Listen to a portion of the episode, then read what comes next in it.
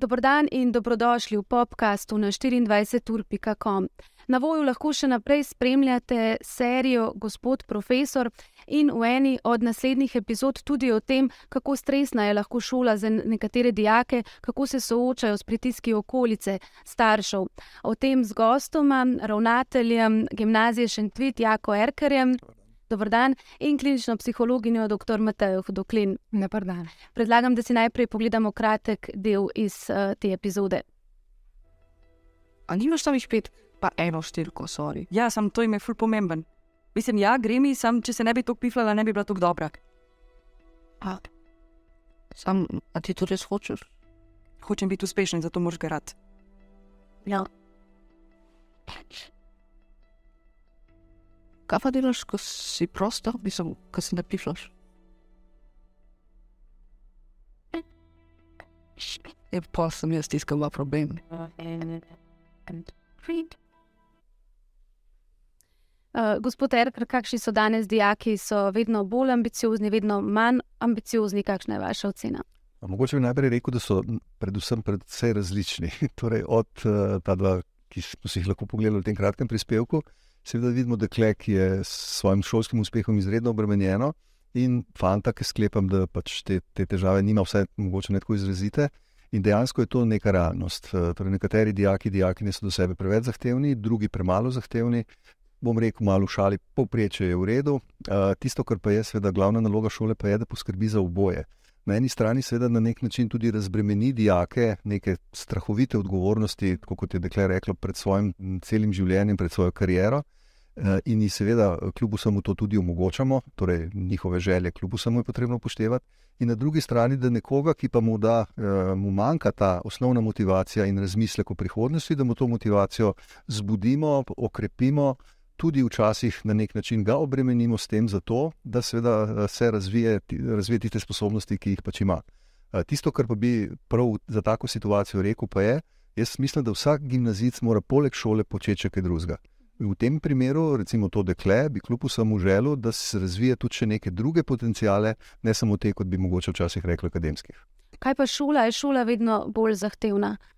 Um, jaz mislim, da ne gre za zahtevnost v tem vsebinskem smislu. Uh, na eni strani lahko seveda se pogovarjamo o pritisku, tako kot se samo omenila, staršev, okolice, tudi samih dijakov do sebe. Uh, na drugi strani pa seveda uh, vse ostale aktivnosti, če lahko temu tako rečem, ki jih imajo dijaki, ali pa morda seveda nekateri tudi ne, uh, povzročajo to zaskrbljenost in iz tega ven potem uh, obremenjenost, ki jo čutijo, in na koncu pravzaprav včasih te obremenjenosti tudi podležejo. To je ena prava mera Eh, šolskih aktivnosti, zdaj razmišljamo o pouku in znanju, in na drugi strani nekih obšolskih eh, aktivnosti, s katerimi pravzaprav spoznavajo svoje interese in motive, ki jih bodo. Jaz sem prepričan, da se v življenju morda še bolj razvijali kot te akademske. Uh mhm.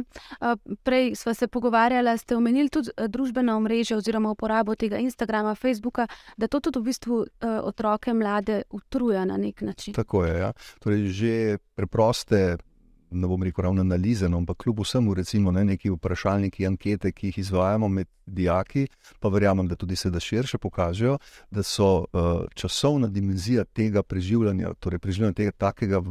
To vrstnega prostega časa, tista, ki najprej je prevelika. Torej, če pomislimo deset let nazaj, seveda je bilo nekaj minut, eh, v sedanjih dnevih se to šteje najbrž kar v urah, da ne rečem celo v desetinah ur. In absolutno ta zadeva tudi utruja. Preprosto zaradi tega, ker čeprav temu rečemo prosti čas, ne, oni, oni so na internetu v prostem času, ampak seveda so tako obremenjeni z vsebino na internetu, da pravzaprav tudi ta vsebina utruja in, in uh, povzroča to obremenjenost, o kateri uh, seveda res lahko govorimo. A vi podobno opažate? Jaz bi tako rekla, ne, da glede na to, da prihajam iz inštitucije, kjer se pač ukvarjamo s težavami motnjami na področju duševnega zdravja mladih, ne, um, bi rekla, da so seveda en del populacije, tako kot je bil v preteklosti, tudi zdaj, ne, predvsej obremenjen in s to storilnostno naravnanostjo, recimo šole in tega akademskega področja. So seveda tudi obremenitve uh, večje, oziroma ne, tako jih opažajo. Zdaj, Um, da bi bilo pa kakšno povečanje, kot v primerjavi s preteklostjo, pa mislim, da smo približno v zadnjih 15 letih, 20 letih, kar približno na istem, da je pravzaprav več teh težav, kot jih je bilo recimo 30-40 let nazaj, saj zaznanih.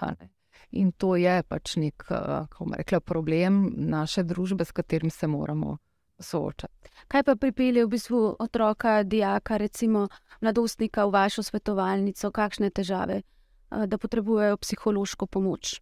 Ja, običajno je nek, nek razlog obiska ta, da enostavno naletijo na neko težavo, ali pa so tako zaskrbljeni zaradi nekega dogajanja ali pa drugačnega funkcioniranja otroka oziroma pač uh, mladostnika, da se odločijo, da potrebujejo neko pomoč oziroma neko drugo mnenje, ker sami ne vidijo več poti oziroma načina, kako bi pomagali. Uh -huh. A to so prav neposredno povezane stiske z šolo, ali, ali je mogoče tudi kakšen drug razlog lahko zadaj? Um, veliko krat so stiske povezane uh, s šolo, oziroma v šoli se kažejo stiske, ki pa ni nujno, pač, da, so, da je šola sama vera ne, vseh teh stisk. Um, tako da jaz lahko rečem, da pri nas te statistike, ki jih spremljamo že leta, približno polovica otrok in mladostnikov, ki išče pri nas pomoč, pride z neko napotno pritožbo težave v šoli. Te so seveda zelo raznolike, ne samo pri uh, učenju, tudi lahko pri vedenju, neki čustveni odzivi, povečana anksioznost, ampak um, ne potem, seveda, v nekako naknadnem procesu in ocenevanju se pa seveda marsikdaj izkaže, da je ver teh stisk, težav, a ne nekje druge, ne v sami šoli. Kako pa vi, gospod Erkar, teh primerov? takih otrok, ki prav recimo ne zmorejo in pridejo mogoče do šolskega psihologa ali pa do svojega razrednika. In povejo, jaz enostavno več ne zmorem več. No, najprej se mi zdi zelo pomembno, da je uh, dijakom, mladostnikom predočena pot, kako lahko pravzaprav rešujejo svoje težave. In absolutno je točno to, kar ste samo omenila, prvi korak, jaz mislim, v pravi smeri, to, da poiščejo pomoč v šoli. Kljub vsemu je včasih starši težko spregovoriti o teh zadevah, že šolska psihologinja, morda še en korak prej celo razrednik, razredničarka pa lahko včasih samo poslušata in s tem že pravzaprav na pol rešita in pomagata reševati probleme. In ko, ko naši, ne, torej profesori, eh, kot rečeno, bodi si razredničarka, bodi si kar profesor nekega predmeta, kjer je morda prišlo do kakšne težave, na koncu šolska psihologinja, morda celo ravnatelj. Ne. Če pa začutimo, da je pravzaprav problem tolikšen, da ga pa mi ne zmoremo več rešiti, morda celo, ker nimamo tako enostavnega vstopa v družino, da opazimo, da pa kljub vsemu izvira to iz družine, svetujemo potem seveda nadaljno obravnavo oziroma vključitev v kakšen svetovalnih centrov. Um, in uh, bi kar si upal trditi, da je to sito, šolsko sito, lahko tako pomembno in tako močno, da dejansko ne, ne da razbremenimo socialne eh, centre, ampak da kljub vsemu, seveda, za tiste. V narekovajih, seveda, enostavne težave, zmoremo poskrbeti sami. Je pa treba biti iskren, eh, seveda tudi strokovno, pa le nismo to podkovani in v nekih posebnih primerih je pa potrebna tudi eh, dodatna pomoč. Težko bi zdaj govoril o procentih, kakšen procent naših dijakov, včasih pravzaprav niti tega podatka nimamo, ne, da bi poiskali pomoč tudi tam.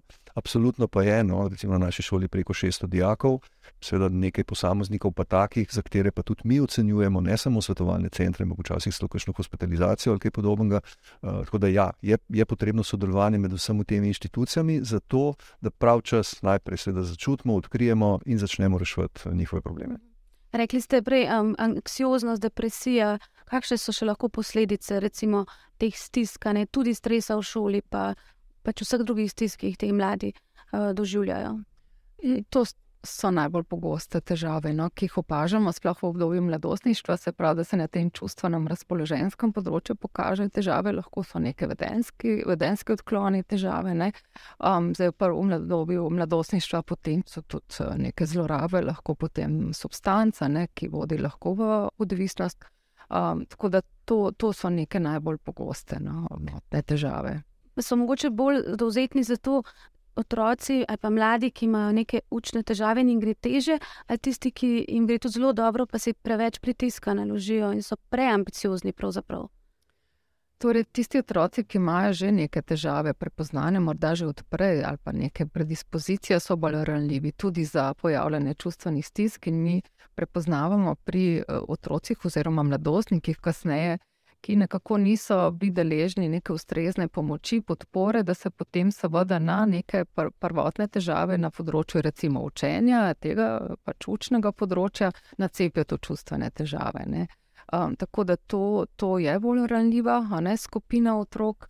Um, seveda, po drugi strani, tisti, pa, ki so lahko zelo uspešni na vzvana, ne? Zelo, kako bi rekla, perfekcionistično lahko tu delujejo, je pa to seveda lahko samo po sebi dejavnik tveganja za pojavljanje nekih stisk, ker um, moramo vedeti, da v obdobju mladostništva se pač mladi šele opremljajo z nekimi uh, mehanizmi, ne, s pomočjo katerih se borijo proti različnim frustracijam, overam, skratka, pritiskom, ne, in nekateri pač tega ne zmorejo. Tako da se v bistvu tudi po tej plati potem lahko kaže večje stiske, tudi depresivnost, anksioznost, tudi lahko motne hranjenja pri teh perfekcionističnih ne, mladih.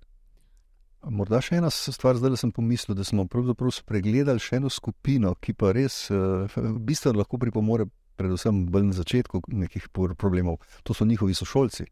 Torej, uh, recimo, tak, ne bom rekel, ravno rekel dogovor, ker tega dogovora ne moreš sprejeti na šoli, ampak kljub vsemu nek, nek poziv dijakom pa je vedno, če oni začutijo stisko svojega sošolca in če ne vedo, kaj narediti, naj to sporočijo naprej. Verjamem najprej razredniku, profesorju, morda res spet celo ravnatelj. Uh, zato, da pravzaprav se na nek način potem mi vključimo, ko je potrebno, ampak kljub vsemu, no, v tistem začetni fazi pa mrzde tudi oni odigrajo to vlogo nekega uh, poslušalca, morda tudi svetovalca, no, na vsak način pa nekoga, ki stoji. Sošolcu, ki ima težave ob strani. Kot ste v vašem prispevku pokazali, oziroma v tem kratkem odlomku, sicer ne, ampak imamo občutek, ne, da kljub vsemu ta fund, ki je bil tam, je vsaj dal misliti temu dekletu, kaj bo pravzaprav s to njeno perfekcijo. Res pa je, da seveda najbrž na drugi strani je pa še nekdo, ki, ki izvaja tudi neke vrste pritisk. Uh, in zdaj mora to dekle se odločiti, uh, na katero stran, komu verjeti in kako pravzaprav uh, reagirati. Ampak ima izbiro, ne? lahko sliši vsaj dve strani. No, pa zdaj je to dobra istočnica, da si pogledamo še uh, ta drug uh, del, ki smo ga pripravili. Je, da znamo upravljati štiri se bom potrudil. Bolj se moš potruditi. Le, ti lahko dosežeš veliko več kot je šolanjem v Sloveniji. Ampak študij zunaj je drag, zato moš dobiti to štipendijo, razumeš? Ti pač boš končala tako kot jaz. Ja, ker tebi je pa to težko, ne? Zate gre. V redu, no, jak ti če pa bom prosila še enkrat. Ne prosit, če te je slabo ocenila, mora to tudi popraviti. In če mi ne? Pritožila se bom. Od ravnatelja do ministrstva pa bomo videli.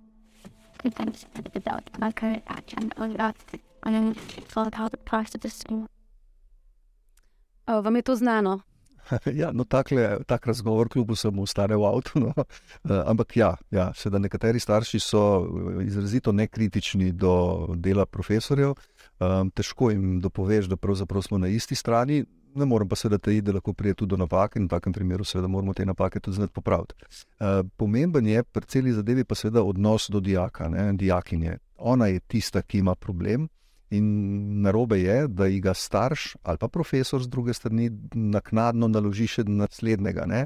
Recimo, tako kot je bilo mečkano zaslužiti, kljub temu, morda je napaka, pa profesorca ne bi razmislila o tej napaki. Seveda, če je pa vse korektno, bo pa profesorica razmislila mogoče res o drugi priliki, o nove priložnosti. Uh, glede na to, da je dekle očitno ne samo ambiciozno, ampak tudi sposobno, si verjamem, tako priložnost tudi zasluži. Uh, gre samo za um, komentarje, ki so ob takih razmislekih in seveda pritiski, ki so z ene ali pa z druge strani.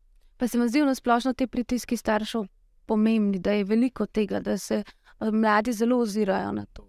Um, Seveda ne smemo pozabiti, da dijaki so s svojimi starši že 15 let, da ne rečem celo 18, seveda na koncu, v začetku precej ur dnevno, zdaj v tem obdobju mladostništva sedem manj. Ampak kljub vsemu starši igrajo izjemno pomembno vlogo. Otroci ne želijo razočarati svojih staršev, ampak govorim seveda o, o večini. Ne? Ampak eh, jim želijo ugoditi, tudi rešiti mnogo krat njihove probleme s tem, da so morda uspešni v šoli ali kar koli. Um, in seveda breme, ki jim ga s tem naložijo starši, da ne rečem, seveda in tudi šola, je za njih lahko preveliko. Oni ne morejo rešiti problemov odraslih, oni morajo rešiti svoje probleme. In če želijo imeti petke, je prav, da se potrudijo, tudi v nekem hipu, ko je dekla rekla, da se je veliko pifla, to ni nič slabega še v tem kontekstu.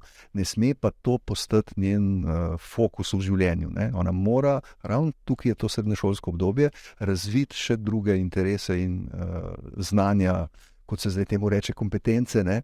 Zato, ker bo morda čez pet let, deset let, oni bodo pa itak delali še 30-40 let, seveda bo takrat s temi kompetencami lahko bistveno bolj, bom sicer zdaj rekel, grdo besedo, konkurenčna. Ne? Nekem, na nekem trgu dela, ampak jaz razmišljam tukaj predvsem bolj konkurenčno v odnosih. Vse pravzaprav veliko večino našega življenja so odnosi, ne samo služba kot, kot taka. Kaj še generira ta stres ali pa stopnjuje ta stres, recimo poleg pritiska staršev? No, ta pričakovanja strani staršev so lahko včasih res ne, uh, hud pritisk in povzročajo velike stiske, včasih so to tudi pričakovanja vrstnikov, ki gre lahko v eno in drugo smer, prevelika ali pa premehna pričakovanja, pa tudi pričakovanja samih do sebe. Zdaj moramo vedeti, da um, je današnja, današnja šola naravnana vseeno tako, ne, da so rezultati štejejo tudi za nadaljevanje šolanja ne, na tistih najbolj želenih smerih.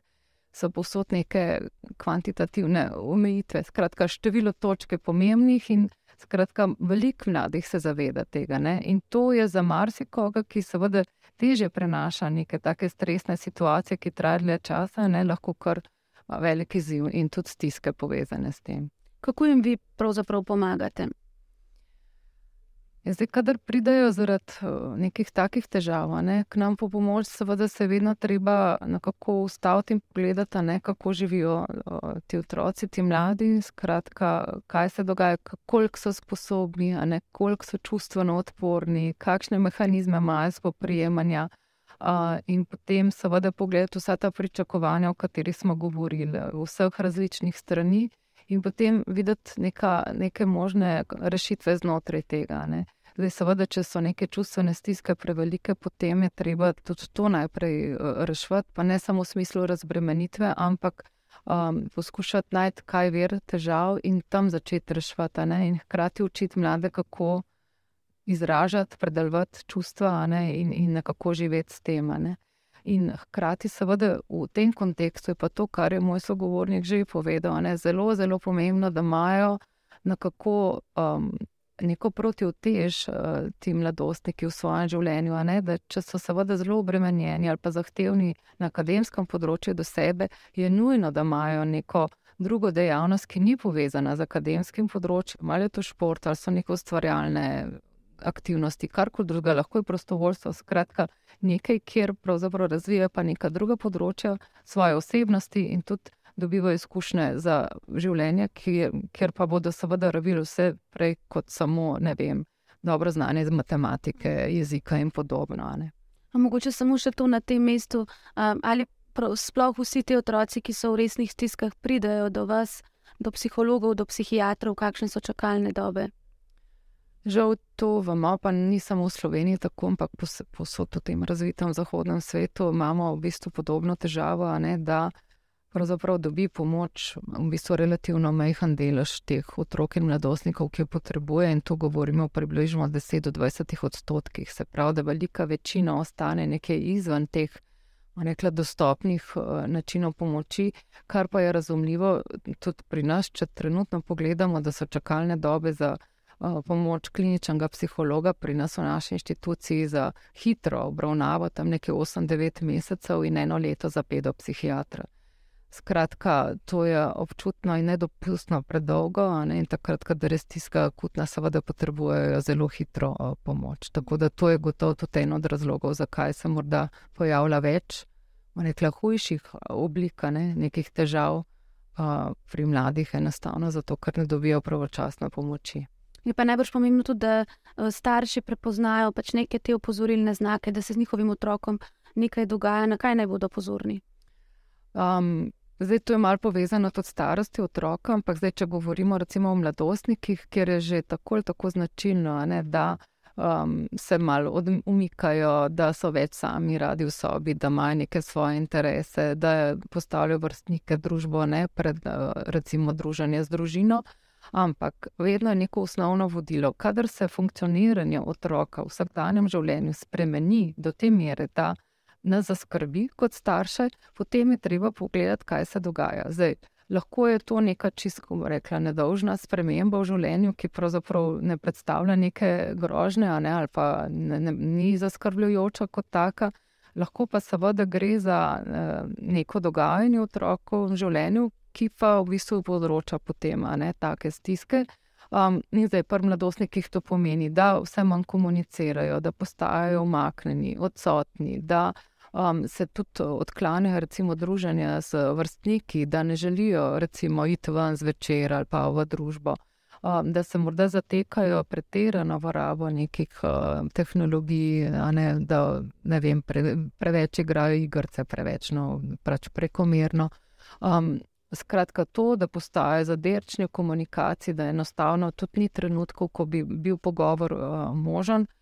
Da, in to se kar stopnjuje, lahko, ne? Ne vem, potem, koliko zmorejo upravljati učne obveznosti, funkcionirati, upravljati, ne vem, iti recimo na športne aktivnosti in podobno. To vse so znaki, um, da se nekaj dogaja, kar bi bilo potrebno biti bolj pozoren in nas lahko skrbi. Na kaj ste pa vi, recimo, pozorni, pa vaši učitelji tudi zdaj opazite, da je kdo v stiski, kak so, kaj, kakšni so ti znaki? Omenjeno je neka, neka vrsta samota, no? se, se opazi, da dijak se umakne od sošolcev, včasih res sam na hodniku sedi, ne? Uh, nažalost, pogosto res pa v družbi mobitela. Ena, ena hecna zadeva se zdaj pomisli, zelo pogosto začnejo nositi kapuce.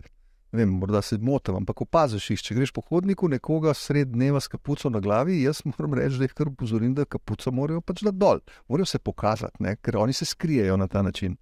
Um, seveda pa, kljub vsemu, no, tukaj le treba biti iskren, najprej opazimo te njihove spremembe v šolskem delu. Torej, ko se pri nekom, pri komor nismo bili navajeni nekih slabih ocen, Eh, ali pa izmikanja, mm, obisk pouka se poslabša, kaj tasga. To so prvi znaki, ki jih mi opazimo kot šolniki, kot šola. Ne? In pravzaprav najprej odreagiramo skozi te profile. Ne? Moram biti iskren, tudi z vzgojnimi ukrepi. Ne? Zdaj razmišljam se o obisku pouka. Oziroma pri ocenah, eh, ko se pri nekomu to stanje toliko poslabša, mora vsak od učiteljev biti pozoren in se pozanimati pri konkretnem dijaku. Nič ni treba najprej starše klicati, ampak seveda najprej se s tem pogovoriš eh, z dijakom. Morda gre res za eno obdobje, ko pač rečejo, se nisem dovolj učil, nisem bil pozoren in tako naprej. Ampak mora profesor znati precent, ali gre za izgovor, za to, da se dijak spet umakne, ali gre za res neko stanje, ki je pač bilo v nekem hipu, pa se bo kljub vsemu spremenilo. Um, na drugi strani pa seveda, ko starši to opazijo, imajo pa resen, bi rekel, kar velik problem. Oni tudi ne razumejo, zakaj pride do tega. Nekatere stvari so normalne, bi rekel, tako kot eh, razvojno normalne, kot je že eh, kolegica povedala, in seveda niso škodljive. Ne. Jih je treba preprosto sprejeti.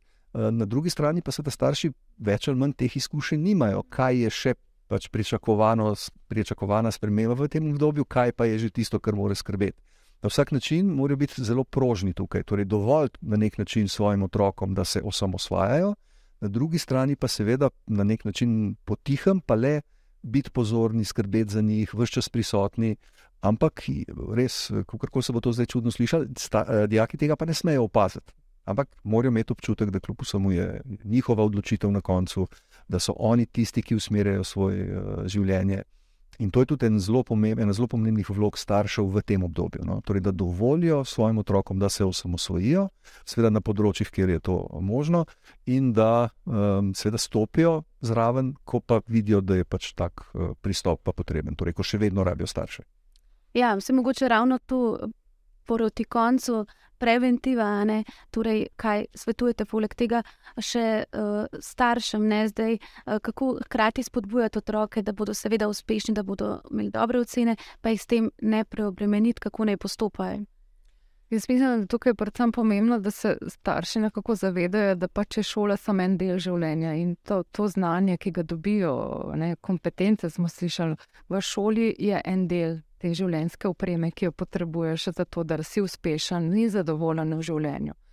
In kot smo tudi slišali danes, jaz mislim, da je predvsem pomembno, pa to že od ranih nog naprej negovati odnose in ta občutek zaupanja, ne vzajemnega znotraj družine to je tista podlaga, ki bo potem, ko pride do težav in tudi v obdobju mladostništva, ko se začne osamosvajanje in se umikajo ne, mladostniki, vseeno ena podlaga, ki bo nudila to, da ko pa bo težko, a ne bo pa mladostnik, mladostnica poiskal pomoč pri staršu, pa enemu ali drugemu. Skratka.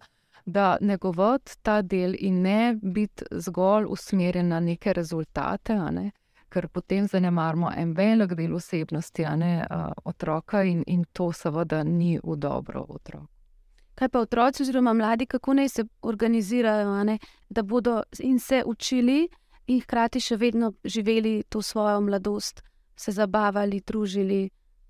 Um, jaz velikokrat rečem, da je gimnazijsko obdobje najlepše obdobje njihovega življenja. No, zdaj mislim, seveda, na ta čas od 15 do 20 let, recimo, če tako rečemo. Uh, ko jaz to rečem uh, svojim dijakom, seveda oni mislijo, da to lepo življenje pomeni samo zabava. Ne? Ne, ne, ne, lepo življenje pomeni tudi nekaj drugega. Če se ti potrudiš za nekaj in potem uspeš v tem, recimo v šolskem uspehu ali pa v neki drugi aktivnosti, ne? je to tisto zadovoljstvo, ki ga dobiš ob delu, seveda si zadovoljen, da si dosegel tudi nek rezultat. In to je mogoče eden od takih zelo skrivnostnih stavkov, ki jih, ki jih lahko starši rečejo svojim otrokom. Ni pomembno, da imaš pet, pomembno je, da imaš največ, kar zmoriš in kolikor si pač pripravljen za to. Da. Jaz vedno rečem, ta stavek je sicer zelo hud, vsi morate biti svetovni prvaki. Seveda ne v smislu boljši od vseh ostalih na svetu, ampak svetovni prvaki v tistem delu, da lahko seveda rečejo: Evo, potrudil sem se, tako kot veliko krat športniki rečejo, rabu sem pa še malo športne sreče, ki se v tistem hipu ni iztekla. Ne? Torej, potrudil sem se, naredil sem maksimalno, kar sem prišel. Evo, in če sem prišel do pet, super, če sem prišel do štir, pa za me tudi super. Ne? Včasih celo bom rekel, sam če naredim, pa bo super, ker imam neke druge interese, popolnoma neke druge. Tako da se mi zdi, kje razbremeniti otroke, ne? ne bodo oni zadovoljni s svojim uspehom, tako iskreno zadovoljni. Ne samo zato, da rečejo doma, se je tako, pa se je drugače, pa v šoli boljš kot ta in boljš kot oni, ne? ampak da so sami zadovoljni s tistim, kar so naredili.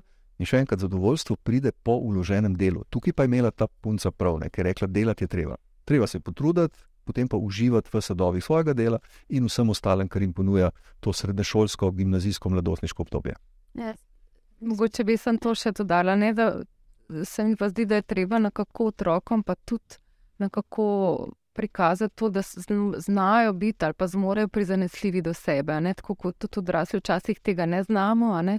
ampak da je nekaj lahko tudi dovolj dobro in da se znajo ustaviti in potem odložiti stvari in početi druge stvari. Ne? In da um, in jaz včasih seveda mladostnikom, k, s katerimi delam, ne, rečem, je jutri še en dan, če se danes ni šlo vse po planu, če ni bilo vse narejeno tako, nič hudega, um, jutri je nov dan, nova priložnost in uh, boš lahko stvari naredil drugače. Tako da se mi zdi, da malo te prizanesljivosti, pr, sploh pri teh. Um, Mladostniki z veliko pričakovanji, zahtevami do sebe, kot imajo res neke malce bolj perfekcionistične težnje, skratka, ti pa rabijo eno tako protiotež. Pa tisti, ki obratno, ne, se pravi, se jim zdi pa vsega preveč, ste pa vi rekli, ko smo se prej pogovarjali, da dve uri na dan dela za šolo je pa nekaj čisto normalnega. Ja, ja, to pa moram reči, ker sem prej malo vprašal, kaj se je spremenilo v zadnjih letih. Evo, to pa res če bi pred desetimi leti, oziroma ko smo pred desetimi leti ta stavek rekli, ne, prvošolcem, da je pač dve uri in gimnazic mora se na dan učiti, so to sprejeli, bi rekel, tako čisto normalno. No. Zdaj se jim zdi to popolnoma, vam rekel, ravno nesmiselno, ampak ne mogoče, se ne moreš dve uri se za šolo učiti. Ne, ne. Tukaj pa ni milosti, če lahko temu tako rečem. Ne. Če hočeš obvladati stvari, je treba seveda se tudi potruditi in, in učiti, čisto enostavno. Uh, in uh, na tem delu, no, zdaj smo mogoče že na drugi temi, je ta obdobje korone, ki je kljub vsemu relativno pred kratkim eh, bilo nekaj zaključeno. Ne? Tukaj pa je um, prineslo eno izkušnjo otrokom, ne? takrat še osnovnošolcem, da seveda to, koliko se učiš, kdaj se učiš, kako se učiš, to je bilo vse zabrisano. In pravzaprav niso vedeli, kdaj so v šoli, kdaj niso v šoli, kdaj se učijo. Ne? In ta občutek dveh ur koncentriranega dela, ne, torej, da res rečeš, evo, zdaj sem se poučil, je nekaj, kar pa je treba biti čisto iskren in seveda sprejeti in eh, samo razporediti skozi dan. Ne? Vprašanje je, kakšne so drugi interesi, druge aktivnosti in temu potem seveda prilagoditi eh, tudi učenje. Torej, eno zdravo razmerje med delom in prostim ja. časom. Uh, v redu, najlepša hvala obima za pogovor. In vaju vabim, ko gledam serijo, gospod profesor. Hvala lepa. Hvala.